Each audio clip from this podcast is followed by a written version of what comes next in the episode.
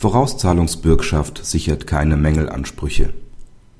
Bei einer Vorauszahlungsbürgschaft hängt die Eintrittspflicht des Bürgen ausschließlich davon ab, ob der Auftragnehmer Bauleistungen in Höhe der Vorauszahlung erbracht hat.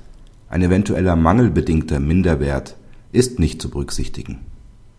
Bei dem Neubau eines Verwaltungsgebäudes im OLG-Bezirk Celle leistet der Auftraggeber an den Auftragnehmer eine Vorauszahlung von fast 100 Prozent des Werklohns gegen Stellung einer Vorauszahlungsbürgschaft. Der Auftragnehmer erbringt Bauleistungen, die dem Wert der Bürgschaft entsprechen. Gleichwohl nimmt der Auftraggeber die Bürgschaft in Anspruch. Er behauptet Mängel, so dass die Bauleistungen nicht den Wert der Vorauszahlung erreichten.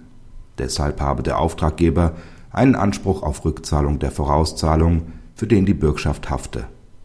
Das OLG Celle hat die Klage abgewiesen die Sicherungsabrede einer Vorauszahlungsbürgschaft ist dahin zu verstehen, dass sie nur Rückzahlungsansprüche des Auftraggebers umfasst, wenn die Bauleistungen die Vorauszahlung nicht decken.